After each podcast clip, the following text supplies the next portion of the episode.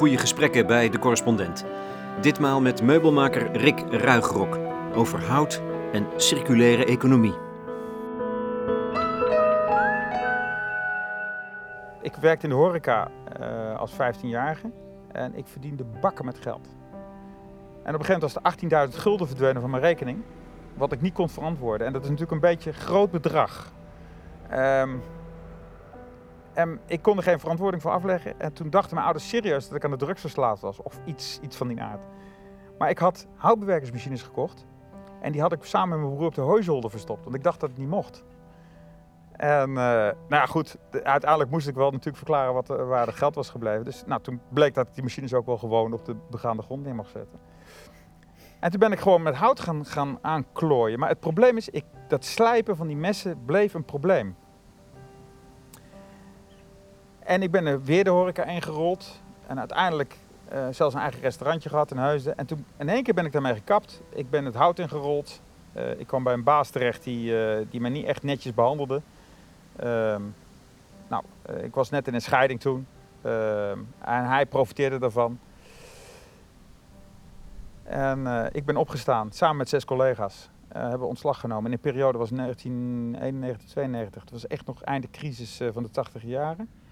Uh, dus er was weinig werk en de, de, de, de directeur van het uh, arbeidsbureau die was totaal in paniek. In één keer zeven man en ontslag genomen, dat kan niet, er is geen werk voor jullie. En, ja, en gek genoeg, er was één functie, daar heb ik naar gebeld.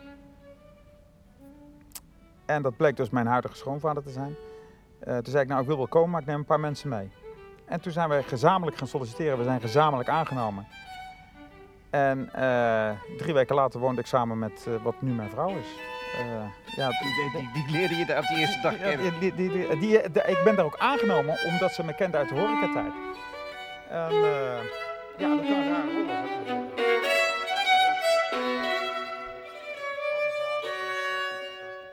Hout is alles, zegt Rick Ruigrok, circulair houtbewerker en meubelmaker te Loosbroek. Ja, hout is alles voor hem. Het bepaalt zijn leven. Het is een zeldzaam intense passie. Zodra ik zijn werkplaats oploop, waar mannen staan te zagen, er is er eentje bij die net gestopt is met zijn pensioen. Tussen de stapels netjes gesorteerd afvalhout, duizenden en duizenden planken, begint hij te praten en hij houdt niet meer op. Tomeloos, grenzeloos. En van elke plank kent hij de herkomst. Nu zitten we in de tuin, tussen de bomen, onder een bijna uitgebloeide magnolia. Af en toe vliegt een F-16 door de idylle heen. We hebben net de eerste uh, bunker ingericht uh, met ruiten. Er is maar één bunker ter wereld met ruiten. En die staat in Leeuwarden voor de nieuwe JSF. En die hebben we ingericht met eikenhouten uh, afval uit de Milieustraat. En daar komt echt, we waren aan het lossen en we zetten de auto voor het voor de deur. En te, op dat moment startten er zes F-16's recht voor die auto. we moesten over de startbaan heen om er te komen. En Jan Takkenherrie. En als je dan weet dat die nieuwe uh, net zoveel herrie maken als een Tupolev, uh, zo'n grote, joh, dat gaat nog wel worden hier. Dat is, uh, dat is gedaan met de rust. Hier ook bedoel je? hier ook, ja. Wat ben jij eigenlijk? Ben je nou een fabrieksdirecteur of een ambachtsman? Ik heb heel, mijn vrouw is directeur. Ik, uh, ik heb helemaal niks met, uh, met leiden of uh, managen. Ik kan helemaal niet plannen. Dat is wel vaker met creatieve mensen. Ehm, ik heb geen horloge, ook om diezelfde reden. mijn vrouw weet ook als we gaan eten, dan gaan we eten. En als Rick er niet is, dan eten we ook. Want ja, dat kan af en toe negen uur worden. En, dat, ja, op een gegeven moment ben je er wel aan gewend.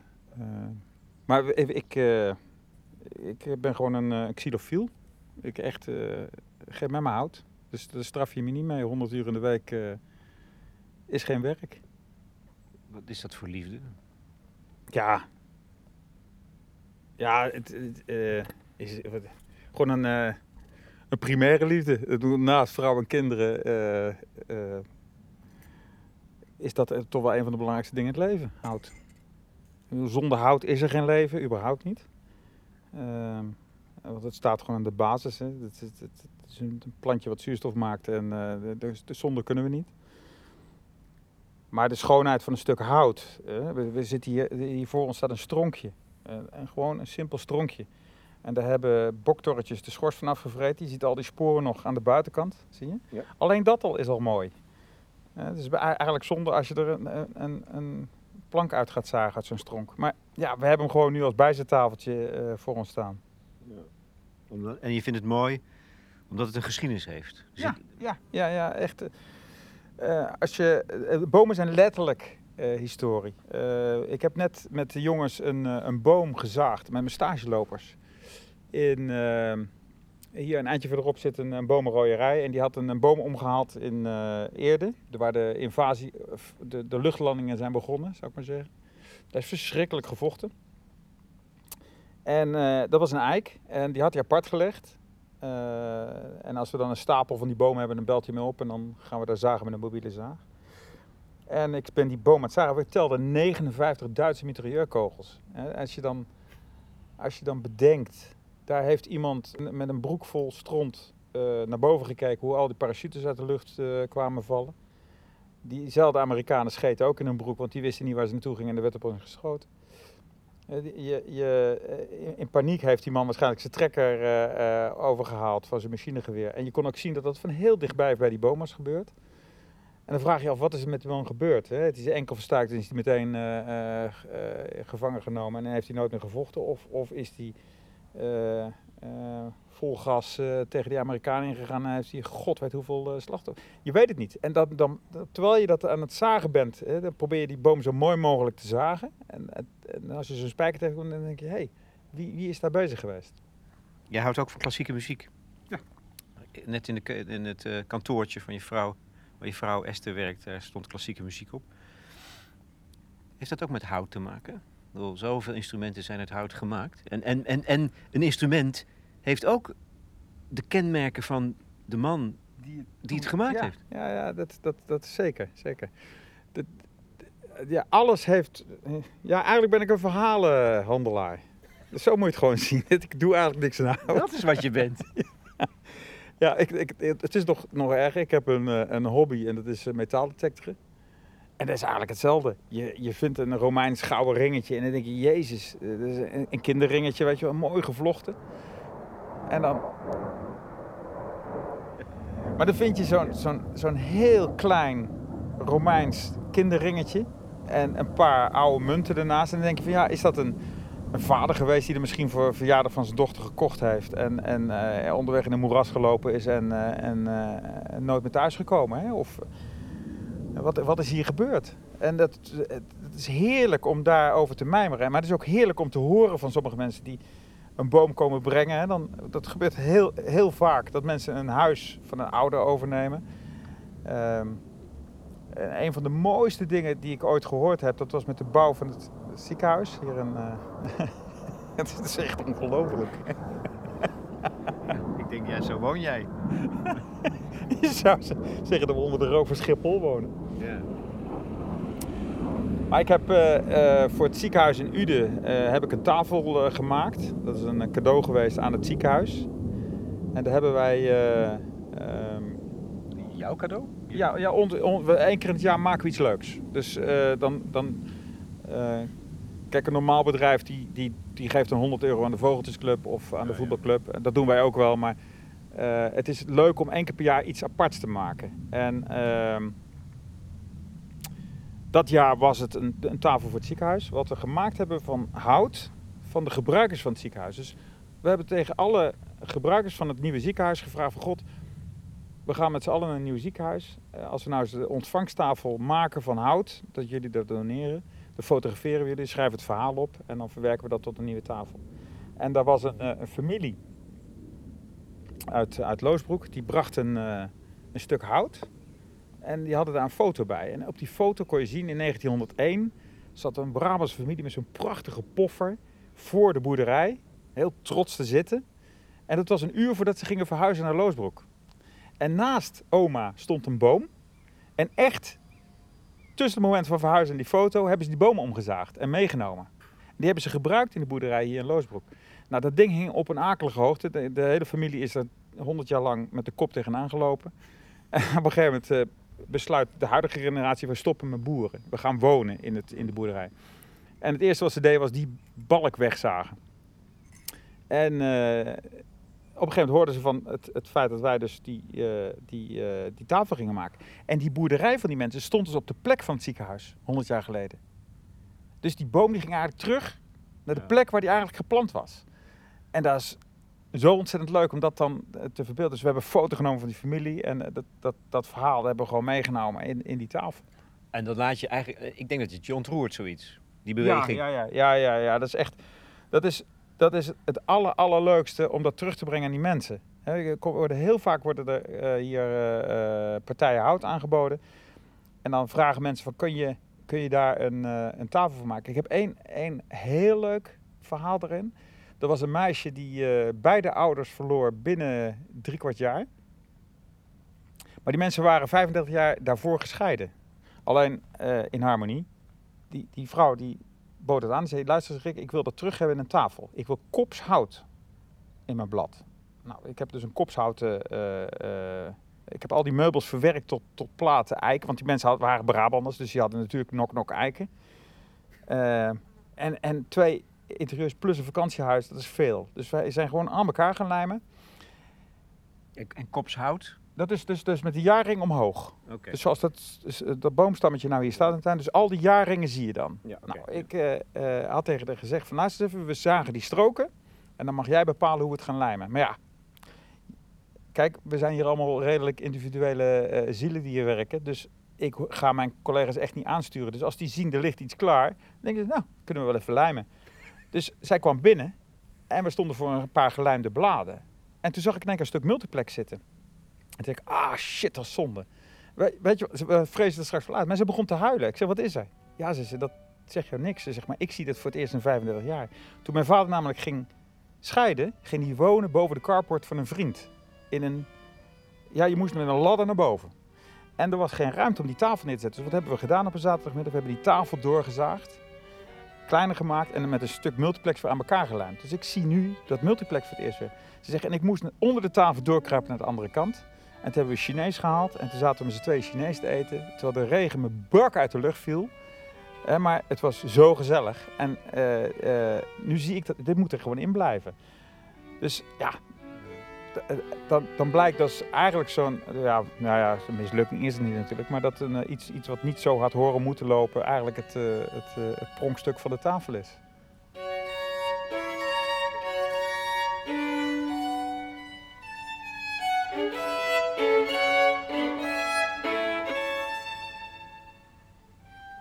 Hout. Het draagt de sporen van het verleden, laat zien waar we vandaan komen en creëert zo een verhaal herstelt soms zelfs een verband. Dat is één. Het geeft betekenis en dat is twee, het roept emotie op. De zoon van Rick Ruigrok, Jouke, is vorig jaar op 17-jarige leeftijd overleden na een ongeluk op zijn stageplek. Hij ligt begraven op een natuurbegraafplaats niet ver uit de buurt. Ja, dit is, is een, eh, natuurpark uh, wat ze hier hebben en daar zit een natuurbegraafplaats op. En die mensen die willen nu een nieuw, uh, een aantal nieuwe begraafplaatsen beginnen. Maar die hebben enorm veel weerstand, want er moeten bomen om. En, en, en meteen heb je weerstand, eh, emotie. Want mensen vinden die bomen mooi. Die kijken er al uh, misschien 50, 60 jaar tegenaan. We vinden ook dat die daar moeten blijven staan. Terwijl uh, die begraafplaats heeft juist iets heel moois. Omdat ze, wat ze doen is, ze verkopen een stukje grond waar je dat mag liggen voor, voor eeuwig. En als die begraafplaats vol is, dan wordt het teruggegeven aan natuurmonumenten. Dus het blijft voor eeuwig een stuk groen in, in uh, ons steeds meer verstedelijkt gebied. Um, dus uiteindelijk moet dat terugkomen. En, en ik heb dus nou gezegd van ja, als we die bomen nou gaan gebruiken voor de bouw van de gebouwen. Want uiteindelijk, en dat, dat is het, het, het, het leuke van die panden, weten ze dat na 40 jaar ligt die begraafplaats vol. En heb je dus eigenlijk de gebouwen die erop staan niet meer nodig. Dat betekent als je zou bouwen zoals we dat nu altijd gedaan hebben. We gooien er een, een klomp beton neer, uh, daar metselen we muren op. Uh, dan, dan maak je iets wat je straks weer af moet breken. Ja, als je nou eens niet die klomp beton gebruikt, maar als je nou eens anders bouwt, circulair. Dus gewoon nadenkt van, of voordenkt Van luister even, over 40 jaar moet het weg. Als we er nou iets van maken wat we dan ook kunnen hergebruiken. Nou, dat is wat we eigenlijk hier doen. En ehm, als je op die manier met je, met je omgeving omgaat, dan, dan is er ook minder weerstand. Dan heeft iedereen daar vrede mee. Voor het kappen van die bomen dan. Ja, voor, in dit geval voor de kappen van de bomen. Ja. Eh, maar dat kun je met alles doen. Dat is het circulaire wat de basis vormt van jouw bedrijf als eh, houtbewerker. Eén aspect daarvoor nog is, is volgens mij ambachtelijkheid. We hebben net door, je, door, de, door de fabriek gelopen, waar mannen bezig zijn van 80. En die kunnen er niet mee ophouden. nee, nee, nee. Heb je, We hebben inderdaad een, een herintredende eh 80-jarige. Ik heb een, een schuurder, die is inmiddels gepensioneerd. Die heeft ook aangegeven nog 10 jaar te willen blijven gaan. hoe kan dat? Dan moet je van je werk houden. Ja. En het gaat erom, denk ik, omdat dat, dat, die omgang met hout en die ambachtelijkheid die erin zit, dat geeft betekenis. Ja, En nou, volgens mij is dat onge- ongelooflijk waardevol. Ja, ja nou dat, is- dat is iets wat we heel vaak horen. Dan, dan, we, we doen hier redelijk veel rondleidingen. En dan komen er mensen voorbij die doen al 35 jaar iets met een computer. Wat ze thuis niet uitgelegd kunnen krijgen. Nog Niet eens, eens hun eigen zoon. En die, die mensen zeggen van, jezus, wat doen jullie mooi werk. En, en, en ik wou dat ik dat kon. Hij zegt, ik ben zo bang dat als er een puber komt die een of ander eh, appje bedenkt, is mijn, mijn baan weg. En wat moet ik dan? Ik kan, ik, dat is het enige wat ik kan. En jullie kunnen alles. Ja, dat is natuurlijk ook zo. Is, het, het nadeel van dit bedrijf is dat we echt ook alles kunnen met hout inmiddels. Maar ja, dat is gewoon zo gegroeid. Ik heb, ik heb, eh, eh, ik kwam- laatst kwam ik nog een boek tegen. Dat heb ik ooit gestolen in de bibliotheek. Ik was 11 of 12 en ik, ik wist, ik wilde het hout in. En dat was zo sterk. Ik heb, eh, dat zal straks laten zien, van mijn opa ehm, kregen wij met verjaardag altijd 100 gulden. En mijn opa maakte prachtig Fries houtsnijwerk. En toen zei ik, opa, laat die 100 gulden maar zitten. En eh, doe mij dat houtsnijwerk maar. Nou, mijn opa natuurlijk verguld. Mijn tantes, die zeiden, Rick, je bent debiel. Pak die 100 gulden nou, dat snijwerk te krijgen. Nee, ik zeg, ik wil dat snijwerk. En als je ziet hoe mooi dat is, hoe, wat een aandacht die daarvoor eh, aan besteden. Het zijn sinaasappelkistjes hout. Het is, het, is, het is dekseltjes die normaal weggegooid werden. En hij maakte daar iets fantastisch van, wat je, wat je tegen je muur aan hing. En wat ik nog steeds met plezier vasthoud. Ja, en dan begin je op een gegeven moment met, met, met, eh, met, eh, eh, met hobbyen in de schuur. Nog even dat, die ambachtelijkheid. Ehm, want één kant daarvan, want dat, is, dat verdwijnt, hè, ambachtelijkheid. ja, ja. Uit onze Dagelijks. wereld. En, Dagelijks. dagelijks. En daarmee leiden wij verlies als Ja. samenleving. Ja. Dus daar gaat het me ook om. Van wat verliezen we precies? Nou, als je kijkt naar zo'n kistje dat je, of kastje wat je, je grootvader maakte, dan zitten daar twee kanten in, denk ik. Het, het, het spoor van het hout, hè, de geschiedenis. Maar ook die mens. Hè, zo omgaan met hout, dat doet ook iets met degene Ja. die het maakt. Ja. Nou, dat, dat moet ik zeggen, daar, daar was ik heel erg van slag van met die, eh, die kerk die in eh, Parijs in de fik ging. Ja. En dan zo'n president die roept, binnen vijf jaar staat de kerk weer overeind. Die man die weet niet waar hij het over heeft. Er hebben daar generatie op generatie steenhouwers, eh, loodgieters, eh, beeldsnijers, eh, beeldhouwers, timmerlui gewerkt. Soms wel twaalf generaties achter elkaar om een kerk op, op te bouwen. Honderden jaren aan een stuk. Die mensen hebben gewoon hun kennis overgegeven op hun kinderen en die hebben gewoon een heel hun leven gewerkt aan die kerk. Dat ga je niet in vijf jaar opbouwen. Sterker nog, ik durf zelfs te betwijfelen of we wel genoeg kennis en vakmanschap hebben nog in Europa om dit in, in 25 jaar op te bouwen, zo'n kerk.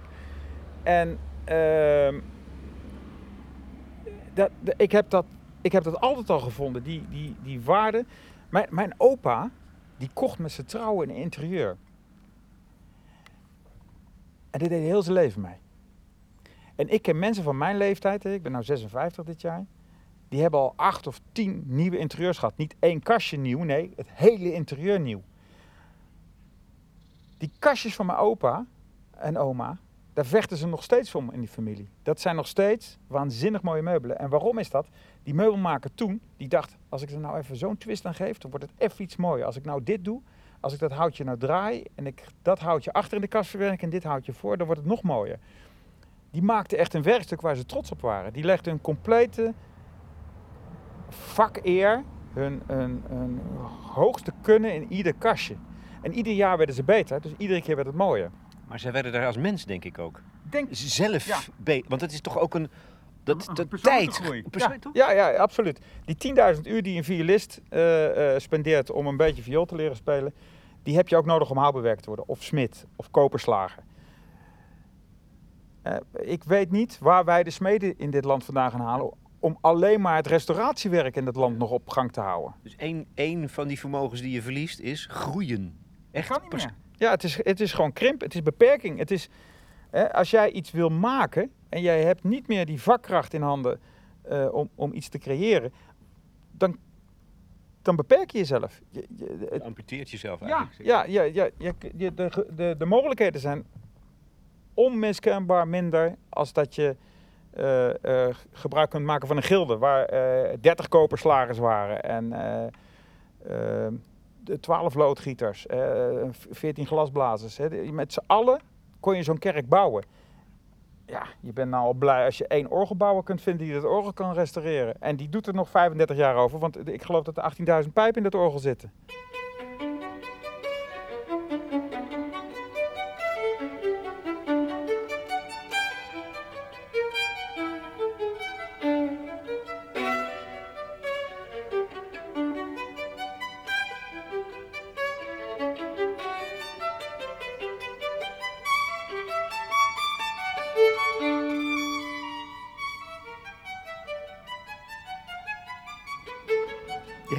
Bedrijf. Het, het lijkt middeleeuws. Het gilde, ambachtelijkheid. Dingen die eigenlijk verdwijnen uit onze wereld.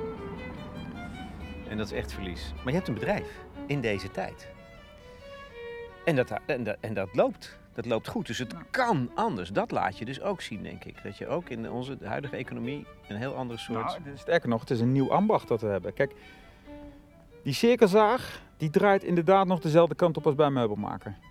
Maar verder is echt alles anders. Het, is, eh, ehm, het begint bij, bij inkoop, dat hebben we niet, hè, want we, we krijgen hout. Je krijgt alle, alles krijg je. Ja, dus eh, waar je net doorheen liep, eh, de- ik denk dat wij een, kort aan de 500 kub binnen hebben liggen. Ja, stapels, stapels hout waarvan je van elk, elke plank weet je waar het vandaan komt. Ja, ja dat is.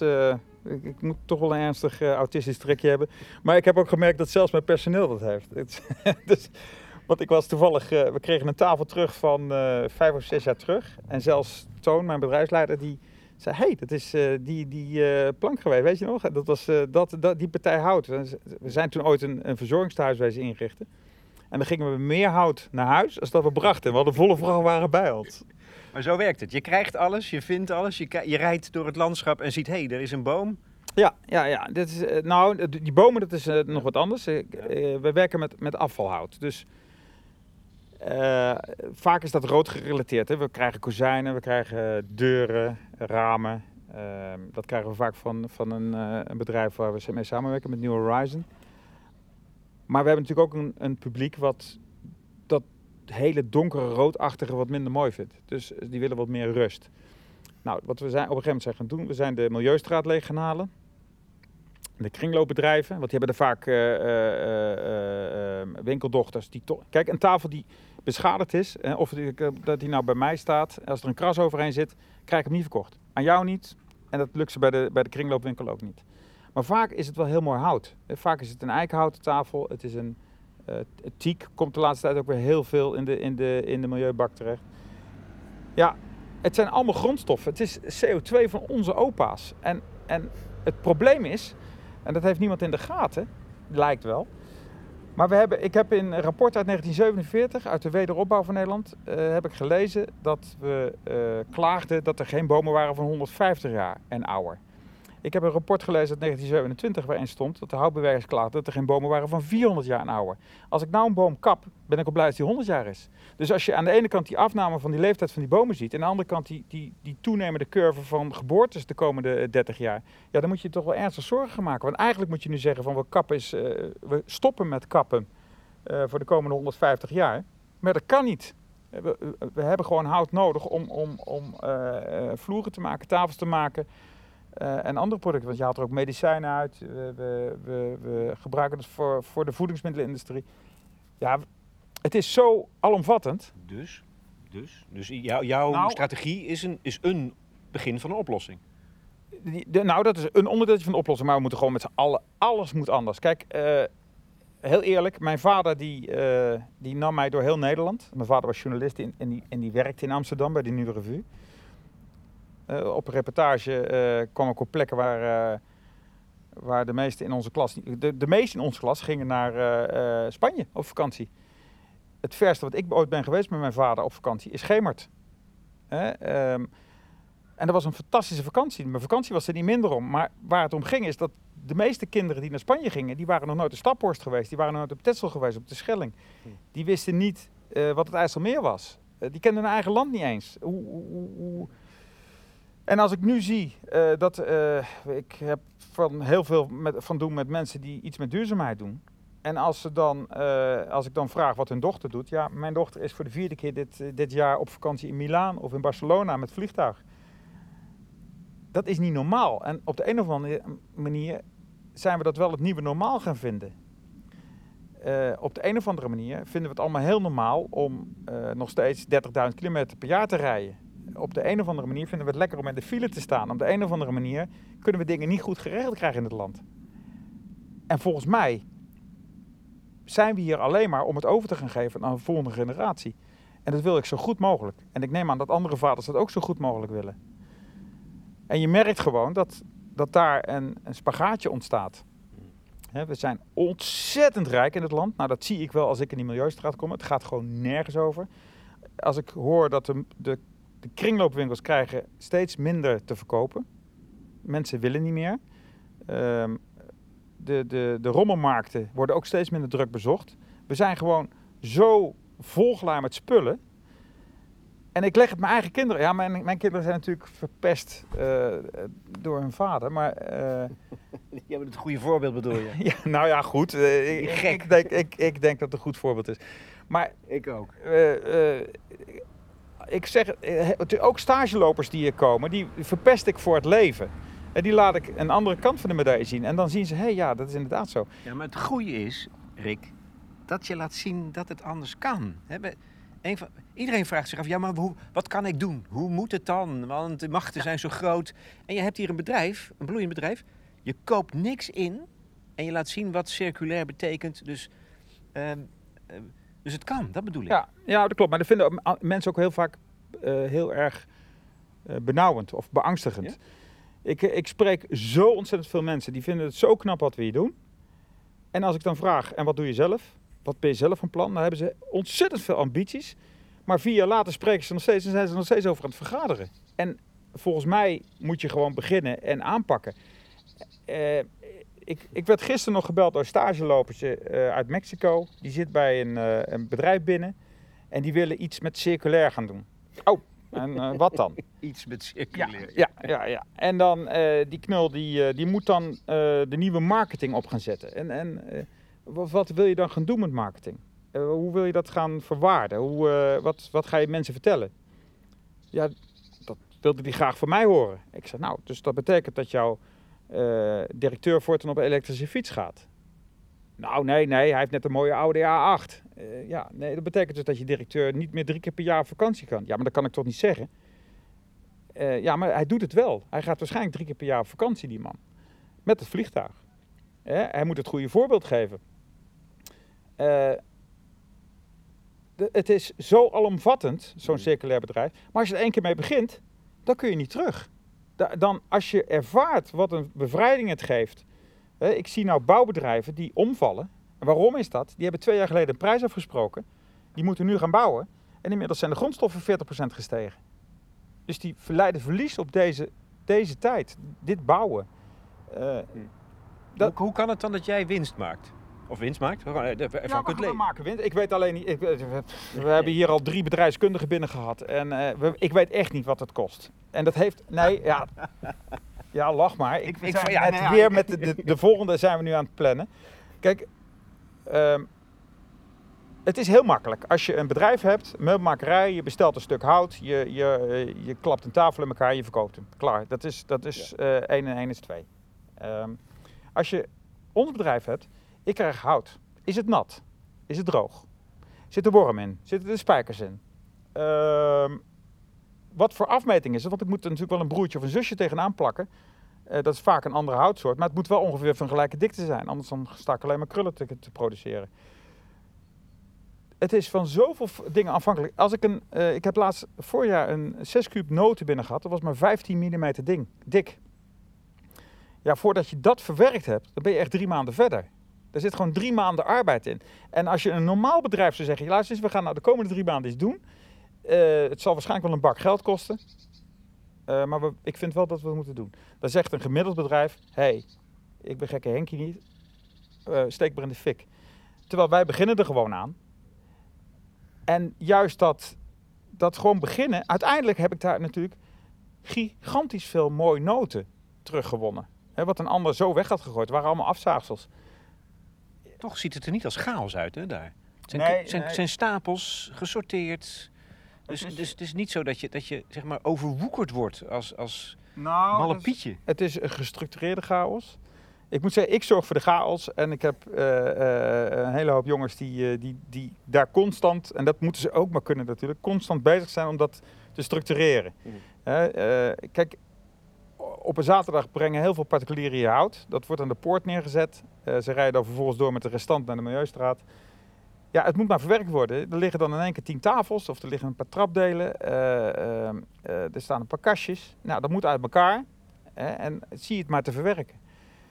Ehm, Ja, ja, maar wat is nou, wat is nou het geheim van Her gewoon- Herso? gewoon beginnen. Gewoon beginnen en je loopt vanzelf tegen een probleem aan. En dan los je dat probleem op. En als dat probleem op een gegeven moment... Een goed voorbeeld. Eh, Tony wordt gebeld. We kopen een heel enkele keer kopen wij hout. Waarom? Omdat het nodig is. En wat kopen we dan? In dit geval was het iemand die had een tijd teruggebeld van... ik heb een probleem. Ik heb stijgerhouten stukken liggen van 50, 60 centimeter lang. Dat heb ik afgezaagd, maar het is veel. Het is 10 kuub. Wil je dat hebben?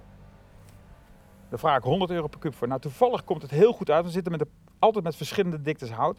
En die dikte hout, plus een dikte die we al hebben liggen, vormt een ideale dikte in ons product. En dat, dat, dat dunne stapeltje hout, wat we al in anderhalf, twee jaar in de weg hebben staan, kunnen we ermee opwerken. Dus Toon zegt, nou, dat is goed. We kopen die, die, eh, die pallets hout. Het zou 10 kuub zijn. En op een vrijdagmiddag, 5 voor 6, staat hier een trailer vol met 28 kuub hout. En dat zijn dus hele brede delen. Nou, daar sta ik dus twee weken lang ben ik bezig om die... Want het staat midden in mijn toko. Ik moet, kan me kon niet keren. Eh, iedereen is chagrijnig omdat ze, als ze iets moeten hebben, moeten ze eerst 12 pakketten hout eh, gaan verzetten. Nou, dan moet je gaan verwerken. Nou, dat is zo'n enorme hoeveelheid. Maar omdat het ook zo breed is, moet je het, moet je het ook op een aparte manier verwerken. Om, om ook nog geld eraan te kunnen verdienen. Dus je moet dan direct beslissen, ik moet nu iets doen. Nou, en dan ga je aan de gang.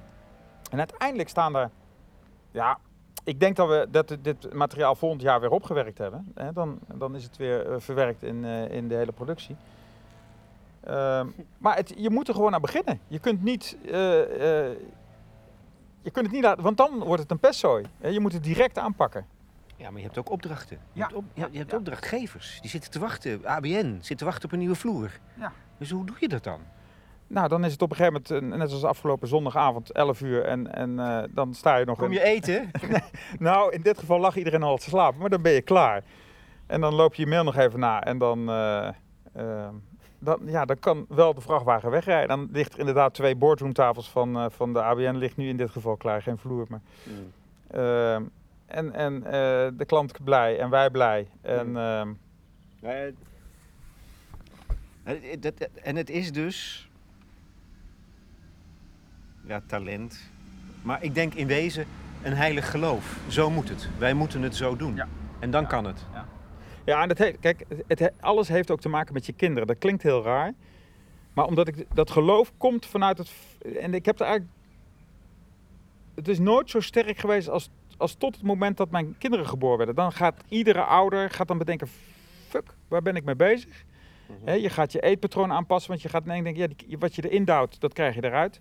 Dus ik wil geen moddervette kinderen. Ik wil geen frietcultuur. Je gaat dus. eh, eh, er werd net eh, groente van het land gebracht ja, dat, dat, dat, dat is lokaal gekweekte groente. En dat is heerlijk. Alleen dat is de groente van de tijd. Dus ja, in de winter eet je dus veel pompoensoep. En in de zomer word je helemaal ap van de sla en de, en de andijvie die gebracht wordt. Maar het is... Lokaal. En je gaat erover nadenken. Mm. En je, over het hele proces ga je nadenken. En op een gegeven moment zie je dus het klimaat veranderen. Hè. Ik, ik heb hier een enorm dak. Nou, hoe vaak ik geen overstroming heb. Maar dat is pas sinds 15 jaar. Hè, je ziet de pieken, de dalen, je ziet dat het droog wordt. En, en daar maak ik me heel zorgen over. Hier in ons dorp, in Loosbroek, zit Rijkswaterstaat. Vraag jij je niet af waarom Rijkswaterstaat in een dorp als Loosbroek zit? Nou, tot, tot nu niet, nee. Nou, dat komt omdat als de Maas overstroomt Ja. en het in Vught 2,5 meter onder water staat, zitten we hier nog met droge voeten. Nou, dan ga je op zich hè, ga je er nog niet zo over nadenken. Totdat op een gegeven moment een vriend van mij hier op hoge poten binnenkwam. Zijn ze helemaal gekniffeld geworden. Eh, die had een landgoed. Eh, nog steeds heeft hij dat landgoed. eh, bij Rossum. Dus waar de Maas en de Waal elkaar raakt. En daar is Rijkswaterstaat aangekomen. En die zei, ja, er gaan 1800 bomen om hier. En dat waren heel grote bomen en heel veel bomen. En waar ging het om? Eh, we hadden een, een, een, een risico-inventarisatie van eh 400, één keer in de 400 jaar gaat het goed mis. Dat is nu teruggebracht naar, ik geloof, één, één keer in de 25 jaar. En die Maas moest een vrij doorstromingsgebied hebben. Ze wisten gewoon, over enkele jaren gaat het mis. En dan raak je in gesprek met die mensen van Rijkswaterstaat. En die vertellen dus, van luister eens even Rick, die straalstroom die vorig jaar stil stond boven eh, Nederland, waardoor wij gewoon drie maanden lang volop zon hadden en geen regen. Als dat gebeurt in het voorjaar en het gaat drie maanden lang regenen, dan komt het ook uit Duitsland, dan komt het ook uit Frankrijk. En wij zijn het afvoerputje van Europa. Waar blijven we ermee?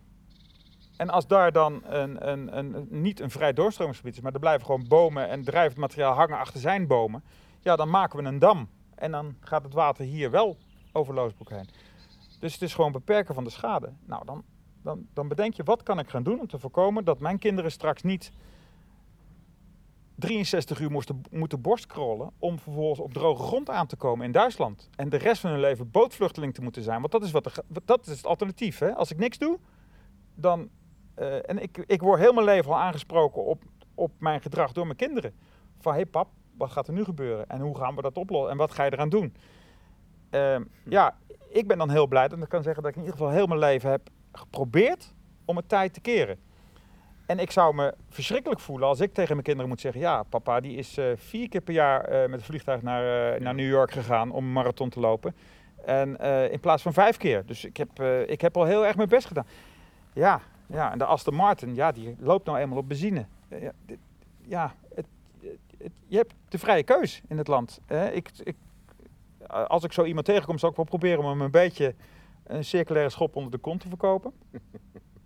Maar uiteindelijk gaat het erom dat we het met z'n allen gaan doen.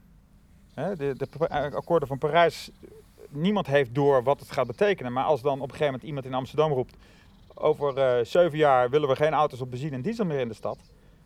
dan in één keer wordt iedereen wakker. En de Thierry Baudets in deze wereld roepen dan schande en noem het maar op. Nou meneer Baudet, ik heb een boodschap voor u. U hoeft helemaal niks te doen. Maar dan spreken we gewoon het volgende af. Op het moment dat er dan schade is, dan doet u ook niet mee. Op het moment dat er dan gevaren moet worden richting Duitsland, dan kunt u niet instappen. Dan zwemt u zelf maar. Kijk, die duizend miljard die we gaan investeren in zo'n milieu, die investeren we toch wel. En het is geen duizend miljard. Maar als het één keer overstroomt, en laten we alleen het stukje rond Maasdijk nemen. Zo Maasdijk, Den Haag, Voorburg, Leiden. Zo dat stukje, als dat onderloopt. Dan is die duizend miljard niks. Dan zijn we dat al vier keer kwijt. Dus we kunnen natuurlijk wel gaan zeggen van ja, belachelijk. Nee jongens, Het wordt hoog tijd. het wordt hoog tijd.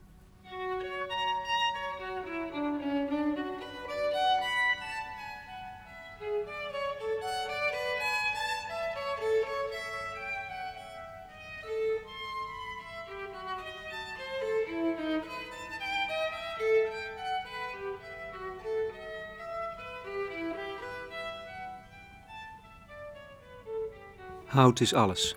Het is de link naar het verleden. Het is de zuurstof, de bron van leven voor toekomstige generaties. Dus zullen we een beetje verstandig omgaan met onze bomen, alsjeblieft? Het hele bevlogen betoog van Rick Ruigrok wordt des te indrukwekkender als je stilstaat bij het feit dat hij in de rouw is. Zijn zoon Jouke is vorig jaar op 17-jarige leeftijd om het leven gekomen. Een verschrikkelijk ongeluk bij het metaalbewerkingsbedrijf waar hij stage liep. Een kast kwam van de muur, staal ging schuiven. Hij was niet meer te redden, maar delen van zijn hart konden nog wel gebruikt worden.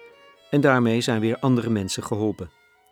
De familie Ruigrok hoefde daar geen seconde over na te denken. En het lijkt er dus op alsof hun levenshouding van invloed is op de manier waarop ze dit verlies verwerken. Nou, verwerken. Uh, kijk, het is nog geen jaar geleden, dus uh, um, dat, dat, ik geloof niet dat je dat ooit verwerkt. Ik zie aan mijn schoonvader, die, die is dat zelf ook overkomen. dat, dat doet nog steeds zeer. Maar we kijken hier bijvoorbeeld naar, naar zijn smederij. hij wilde smid worden. Hij, ik heb altijd lachend geroepen, hij moest uit de kast komen. Want hij wilde niet in het hout. En dat is echt, daar heeft hij twee, drie weken, heeft hij, we dachten echt van nou, we gaan iets vertellen. En we konden ons niet voorstellen dat hij homofiel was. Maar het was voor hem net zo zwaar om te vertellen van pap, ik ga niet in het hout, ik ga in het staal. En toen was hij 13. En uh, hij, hij, wij hebben, ik vind het een prachtig ambacht. En hij, ik bedoel, je ziet hier... Dit, de, smederij, de smederij bedoel je ook? Ja, de ja. smederij. Hij, hij, heeft prachtige dingen gemaakt. En die, als, je, als je het ziet... Uh, dit, dit, is, dit is dan een, uh, een barbecue, die heeft hij gemaakt als werkstuk op school. Vrije opdracht. Dit is nu een uh, verplicht nummer voor alle leerlingen geworden. Hè. Dit is een, een, een, ding wat je op kunt klappen en dat kun je meenemen in de auto. Maar met zoveel liefde en zoveel plezier werkt hij eraan. Hij heeft een, eh, een, heel mooi verhaal. Is ook, uh, ik, uh, hij is één keer verliefd geweest op een meisje. Of nou waarschijnlijk wel vaker, maar één keer dat we het wisten. En toen heeft hij een hele zaterdag gewerkt in die, in die smederij om een kurkentrekker te maken met een, een hertskopje of een bokkenkop um, uit één stuk ijzer gesmeed. En hij heeft hij zo zijn best op gedaan. Het was zo'n mooi geluk kopje. Alleen de tijd opbrak hem om die kurkentrekker te maken. Dus op een gegeven moment zag ik hem wel naar de besteklaar lopen. Maar goed, uh, ik wist niet wat hij ging doen. En ik wilde een uur later de fles voor mijn vrouw ontkurken. En toen was de kurkentrekker afgeslepen. En ik heb hem opgewacht s'avonds. En toen kwam hij binnen, uh, zwaar uh, gefrustreerd. En ik zeg, ja, hé, hey, waar is mijn kurkentrekker? die uh, zitten bij dat meisje en dat is ook een trut ook. Ik zei, hoezo? Nou, zei hij, ze kregen een cavia voor de verjaardag van een vriendinnetje. Ze hebben de hele avond uh, op de kamer gezeten met de cavia. En ze had niet eens naar de kurkentrekker gekeken. Nou, toen was hij overleden. En toen vroeg ik aan die vrienden van, jongens, weten jullie nog wie dat meisje was? En uh, ja, dat wisten ze wel. Dus op een gegeven moment kwam ik, had ik Jouke opgehaald in het ziekenhuis, samen met een vriend van mij. En we reden met uh, uh, de kist langs de kerk hier in het dorp. En toen stonden de drie vrienden mij op te wachten. En toen kwam er een enorme vuist van Bram door het raam. En die liet een, een, pakketje in een oude krant op mijn schoot vallen. En dan zat die kurkentrekker. Dat was het mooiste cadeau ooit. Mm. Maar dat eindigde niet. Op een gegeven moment belt dat meisje op. En die vroeg of ze langs mocht komen. Ik zei, nou, graag. Dus we zaten hier in de tuin, op dezelfde plek waar we nu zitten. En uh, toen zei ze, nou, het is eigenlijk wel het mooiste cadeau wat ik ooit gehad heb. Alleen, ik kreeg inderdaad een cavia. En ja, en daar heb ik met mijn vriendinnetjes mee zitten spelen. Ze zei, maar hier stopt het verhaal niet. Hij heeft beneden gezeten en een paar pilsjes gedronken, maar daar kon hij niet zo goed tegen. En toen heeft hij niet alleen over de keukentrekker, maar ook over mijn oma heen gekotst. dus dan hoor je dat soort verhalen. Maar tegelijkertijd uh, uh, hoor je ook van iedereen, hè, want hij, hij had links en rechts zwarte klussen. Hè, want hij financierde de bioscoopbezoek van zijn vrienden ook. En ja, hoe komt hij aan geld? Ja, dan deed hij laswerk tussendoor. Hij kon vreselijk goed lassen. En dan word je op een gegeven moment aangehouden door, door iemand van kom eens kijken wat een mooie deur die gemaakt heeft. En dan heeft hij daar een hele mooie toogdeur gelast, waar wij niks van wisten. En dan vroeg hij wel eens wat was kostprijs. En dan, je probeerde de jongen toch te helpen. En dan zei ik, nou wat denk je zelf dat dat moet kosten zo'n klus? Ja, ik denk een tientje, 12 euro misschien. Ik zei, nee, jouw vraag is 50 euro. En dan vroeg hij 50 euro en dan kreeg hij de 75. Want die mensen vonden het nog een koopje. Ja, en eh, wat ik met hem natuurlijk nu niet meer kan doen, dat is hem helpen in zijn carrière. Maar mm. aan de andere kant, er zijn duizend andere kinderen die je nog wel kunt helpen. Dus als er stagelopers zijn, uh, die helpen we vooruit. Maar ook als er mensen zijn die zeggen we willen de smederij gebruiken, hij staat open. Hè? Er is niets leukers als het geluid van, van een, een zingend aanbeeld. En er zijn er inmiddels drie uh, die, uh, nou niet regelmatig, maar af en toe gewoon lekker een zaterdag komen rammen. Die staan s morgens om 7 uur uh, aan de poort.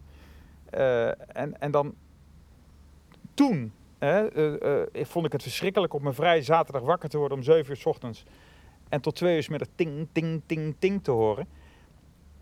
En dan ging hij naar boven en dan ging hij in bed liggen en dan hoorde je nog een keer ting, ting, ting, ting. Want dan lag hij filmpjes te bekijken van andere smeden uit Europa die werk stonden te maken. Mm. En, eh, Maar dus, dus, dus tot in je rouw zit dat circulaire.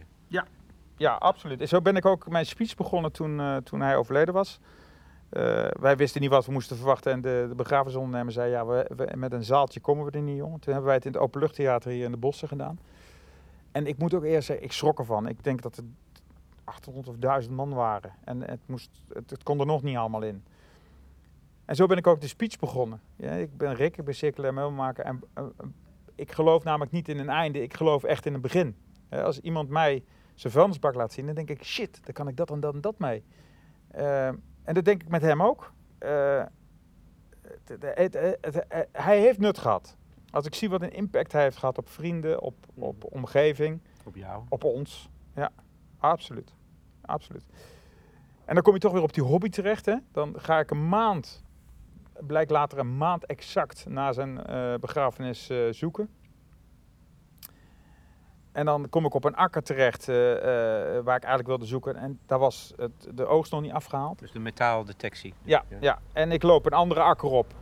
En ik vind niets. En dat is heel raar. Normaal vind je altijd wel een muntje of een ringetje. Of helemaal niets. En op een gegeven moment dacht ik, nou, ik, het, is mij niet gegund vandaag. Ik ga lekker naar huis. En ik loop altijd richting de auto zoekend door. En wat denk je dat ik uit de grond haal? Zo'n grote smeetang. Ja, hoe groot is de kans dat je een maand na de dood van zo'n knul zo'n smeetang uit de grond trekt? Die is, die is niet heel. En jij vindt hem dan. En dan heb je wel een ontzettende zware avond, die, die avond. Maar goed, de, de, en dat is ook onderdeel van die rouw. Je, daarmee eh, krijg je een beetje eelt weer rond die ziel. En, eh, en uiteindelijk nu kun je er nog om lachen. Eh, dat, nou, dit, is, dit is natuurlijk wel heel extreem gezegd, maar de verhalen rondom hem kun je lachen. Ehm, en, en ja, natuurlijk zijn er momenten dat het gewoon droef is. Eh, eh, verjaardagen. al- altijd is er wel een eerste keer voor iets. Binnenkort is hij een jaar dood. Ja, dat zal geen vrolijke dag worden. Dat, dat, dat geloof ik ook niet. Ja, maar dat geeft je ook wel de ruimte die het nodig heeft. Dus ook het pure verdriet, het hartverscheurende verdriet. Nog steeds, denk ik. Ja, ja, ja. Ja, en toch. Ja. Ook misschien dankbaarheid of. of eh, ik bedoel. We hebben natuurlijk wel 17 jaar gehad. Dus dat is ook, eh, Hmm. ook van waarde. Yo. Big Shaq, the one and only. Man's not hot. Never hot. Skra. Skitty cat cat. Boom. Two plus is four. Minus one, that's three. Quick maths. Every day man's on the block. Smoke trees. See your girl in the park. That girl was a uckers. When the thing went quack, quack, quack. You man were ducking. Hold tight, Asney, my brother. He's got a pumpy, big thing. Hold tight, my man, my guy. He's got a frisbee. I trap, trap, trap on the phone. Moving that cornflakes. Rice Krispies. Hold tight, my girl Whitney. on, on, on, on the road doing ten toes. Terug naar het bedrijf. Je koopt nooit iets. Bijna nooit. Je hebt alle machines afbetaald. En dan word je raar bekeken door de Belastingdienst. ja, ja, ja ik, we, we hebben een discussie gehad en dat heeft gewoon over, over ieder, ieder bedrijf eh, heeft natuurlijk een, eh, een eh, debit- en creditnota. Meer weet ik niet van boekhouding. Ehm, dat doet mijn vrouw. Maar dan, dan krijg je discussies over, eh, over afschrijvingen. Iemand koopt in en kan het dus van zijn rekening afschrijven en betaalt dus minder belasting. Wij dus niet. Ja, dan moet je daarover gaan discussiëren. En dan de enige opmerking die je van de Belastingdienst te horen krijgt... is van dat we eigenlijk een perfect bedrijf hebben om zwart eh, eh, handel te creëren. Ja, daar moeten we altijd verschrikkelijk om lachen. Ik, wij gaan, als we op vakantie gaan, dan is het, eh, dan is het heel lokaal. Ik heb eh, wel drie fantastisch lekkere broeken. Deze, maar dan ook met dubbele gulp. Die Manchester, corduroy. Ja, dat is, eh, ja, die, na een jaar gaan ze slijten. En dan, ik, ik loop altijd, ik geloof dat ik één paar nette kleding heb. ja, dat hoeven we maar één keer in de vijf jaar te vernieuwen. Ja, je hebt niet veel nodig dus. Maar eigenlijk, eigenlijk is het dus, dus je doet het circulair. Je Ja. werkt aan de toekomst van ons allemaal. En jij bent degene die het meeste belasting betaalt. Ja, dat klopt. Voor, voor, voor, voor iedere euro die hier binnenkomt, moeten wij het meeste belasting betalen van wie dan ook. Hoe vind je dat dan? Bedoel, eh, je, je, je maakt zo'n sterke indruk, zo'n vitale indruk. Word je dan ook niet woedend soms, denk ik wel eens? Nee, woedend word je, word je als, eh, eh, om andere dingen. Als, als het systeem niet werkt. Als er een, iemand eh, mij uitnodigt voor een spreekbeurt, voor een pitch, voor een proefmodel, voor proefplaatsingen, eh, om dingen in te tekenen. En op het allerlaatste moment gaan ze om. En eh, eh, kopen ze bij een, een, een, een groot, groot grutter in de meubels spullen die uit Verwegistan komen gemaakt zijn van formaldehyde en, en HPL. En wat over drie jaar gewoon versleten is. Dan denk ik van ja, dat had anders gekund. We, moeten, we moeten echt met z'n allen eh, gaan nadenken of gaan voordenken hoe we de toekomst gaan aan, vormgeven, hoe we het gaan aanpakken. En daar hoort geen chemie meer in die niet meer kan. Daar hoort geen eh, CO2 meer in die onnodig is. Want waarom zouden we dingen. Ik bedoel, wij kunnen hier met ons het productieproces, hè, want we hebben dus echt, het is alleen maar handarbeid wat we hier doen, kunnen we ons brood verdienen. Dus waarom zou een, een groot gutter nu moeten gaan kopen in eh, China? Waarom gaan we nog. En daarin is een CO2-belasting wel heel belangrijk natuurlijk. Want ik vind dat als iemand producten laat maken in China of in landen waar het nog goedkoper is, met ouderwetse olie, in ouderwetse boten, in containers deze kant op komt, die moet gewoon een import eh, eh, CO2-belasting betalen. Die gewoon fors is, waarmee het, eh, de, de, de, de drempel om in het buitenland te gaan kopen gewoon ernstig lager wordt. Maar uiteindelijk, het, we, we- dit is net grondwater. Hè? Het welt op. Het is niet tegen te houden. Je kunt er geen dijken tegen bouwen. Eh, uiteindelijk kan het niet anders. Uiteindelijk gaan we dat allemaal doen. En eh, ik kan alleen iedereen adviseren er zo snel mogelijk mee te beginnen. Ga ik doen. Je, je kan ongelooflijk inspireren. Dankjewel. Geen dank.